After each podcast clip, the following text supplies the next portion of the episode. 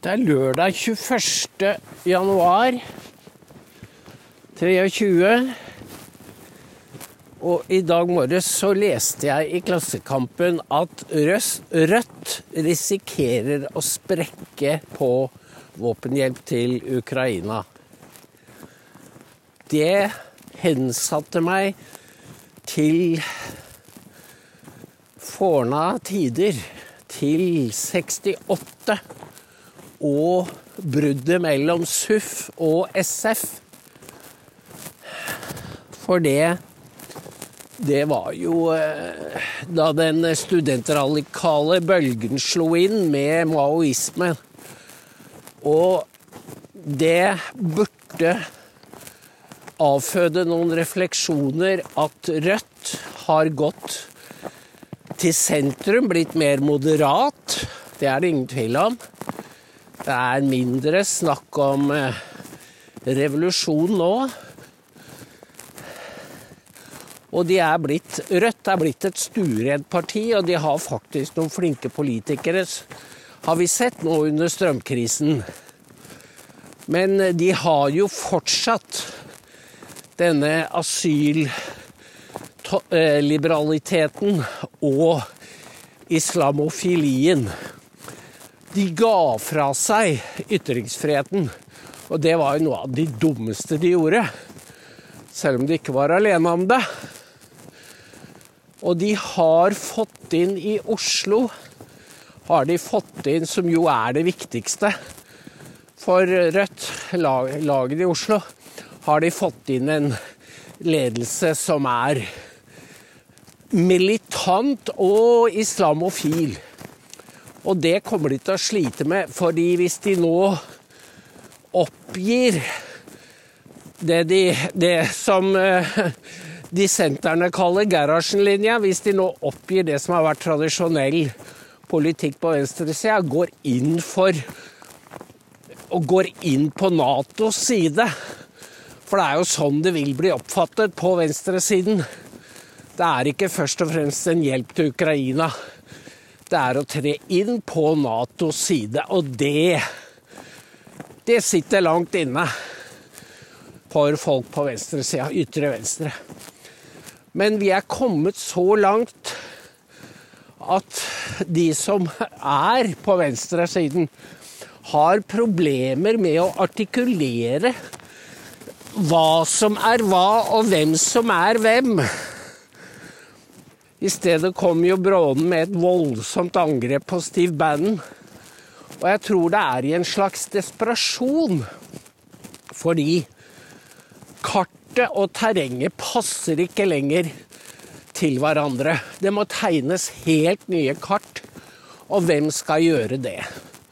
Og jeg tenker litt på at vi burde reise en debatt om hva er det venstresiden står for i dag som er verdt å ta vare på?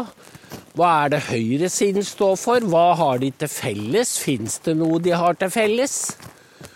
For det tror jeg faktisk det er. Og man kan jo begynne med nasjonal suverenitet. For uten den så blir politikken meningsløs. Da er den ikke demokratisk forankret, som det heter. Da er det Da er vi overstyrt fra Brussel og Washington. Og så må vi stille de spørsmålene som da de som er aller ivrigst på våpenhjelp til Ukraina. Hva er Natos motiv? Hva er USAs motiv? Ikke, ikke minst. Og der er det jo noen særdeles kyniske politikere i USA, som Lindsey Graham f.eks. Hvis du kjøper hans argumentasjon så gir du både våpenindustrien, CIA og Zelenskyj carte blanche. Og da, da tror jeg vi er ganske Da er vi på en bane som eh, før eller siden ender med krig med Russland. Og hvis man virkelig tror at det går an å knekke Russland militært, så tror jeg man lever på en illusjon. Fordi Ukraina er Man må kunne ha mange tanker i hodet på en gang. Man må kunne se at Putin har oppført seg begått en kapital feil. Og det kan godt hende at det kommer til å koste ham både posisjonen og livet. Men hvem er det som kommer inn i stedet? Og så må man innrømme, eller man må forholde seg til at USA har hatt noen fingre med i spillet i Ukraina i lang tid. Og det må man gå nærmere etter i sømmene.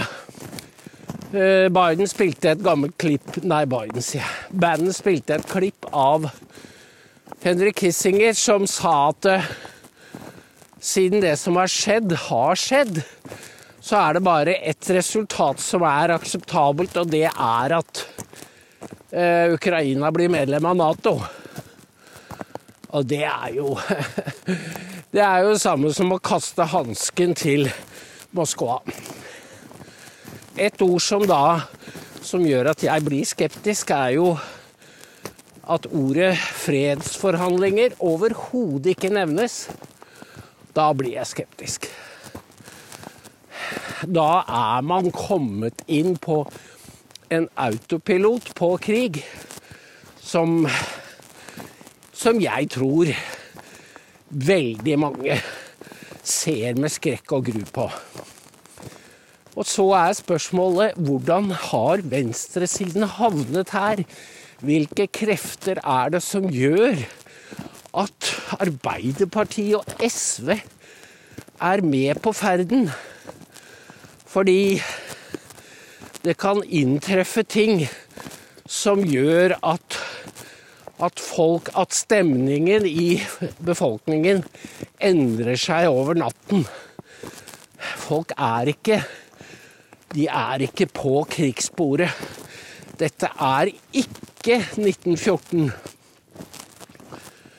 Og derfor blir, har dokumentet en viktig oppgave med å spørre hvor, hvor ble det av alle analysene, all debatten som venstresida har levd på i årtier?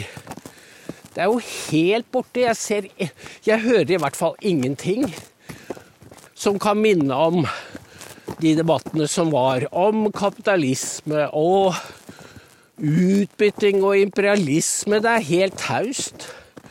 Det er ingenting. Derimot hører jeg på NRK Philip Lote og den nye Afrikakorrespondenten Han heter ikke Kjørholt, men det er noe lignende. De snakker varmt om Kinas rolle som investor i, i Afrika. Fordi Kina er ikke en tidligere kolonimakt. Og det satser på økonomi. Jo, jo, det gjør landet til gjeldsslaver, men eh, det, det hopper de glatt bukk over. Og så satser de ikke på bistand, for også det var visst litt sånn negativt. Det var en eh, skjønnmaling av Kinas innsats som er helt ubegripelig ut fra det som er Kinas rolle i Afrika. De er rasister. De, ja, det er de virkelig. De ser ned på afrikanere. Og behandler dem deretter. Og de utsuger landet som en ekte kolonisator. Så mens eh, NRKs korrespondenter tar avstand fra vestlig fortid, så hyller de altså en nåtidig kolonisator.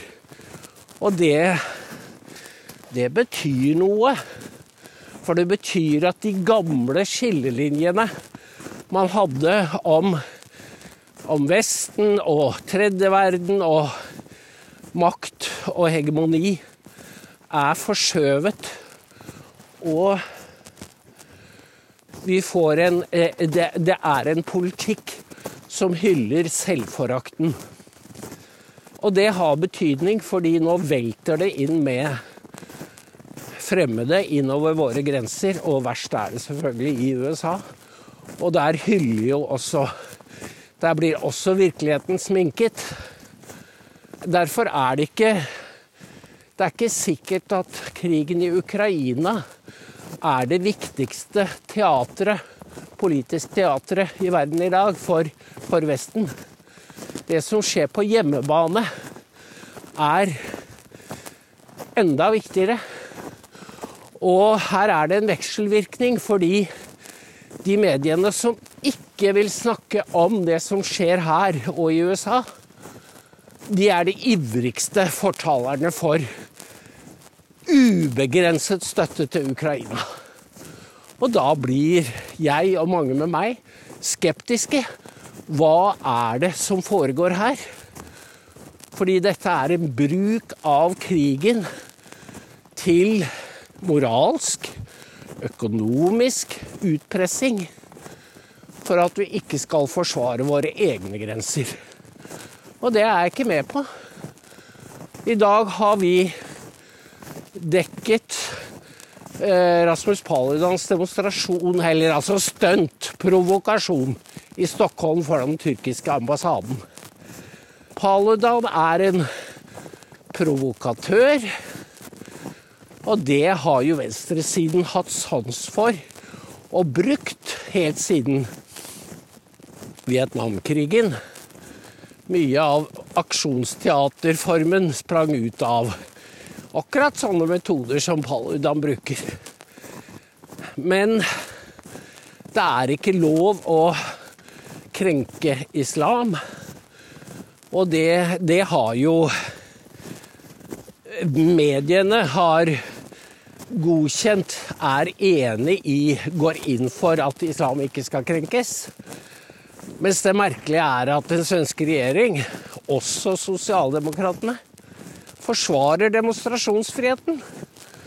Og det, da får du hendelser som opprøret i Ørebro i påsken i fjor, og sånn som brenningen i dag. Og det er jo helt det man fint kaller en anomali i forhold til de reglene som ellers gjelder i Sverige. Den gode, godeste Paludan er en underlig skrue. Men han er ikke dum, og han sier jo en del ting som er helt to the point. Han sa dere har altså gjort to tyrkere til partiledere, eller tillatt det. Eh, nyans er jo selvbestaltet. Så det er en litt egen kategori, selv om det er et varsel om fremtiden. Men derimot, han som er blitt leder for Senteren, han er voldsdømt. Han lyver om sitt rulleblad og, og virker absolutt ikke som noe man bør satse på i et demokratisk samfunn. Men han er altså godkjent som ny partileder for Senteren. Og da har, da har Sverige et stort problem. Fordi Sverige råtner både nedenfra, på grunnplanet, og ovenfra. Og jeg tror ikke jeg tror ikke norsk offentlighet helt forstår hvor alvorlig det er for et land som vi deler historie og en lang grense med. Fordi Sverige er i oppløsning.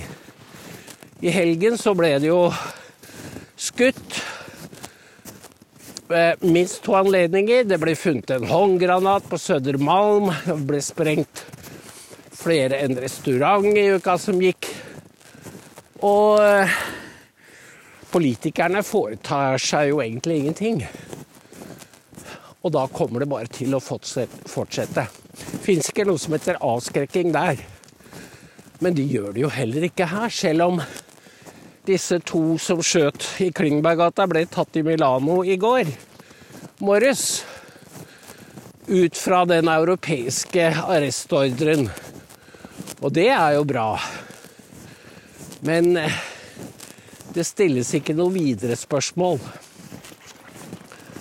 Jeg ville bare si at uh, før var outsidere outsidere.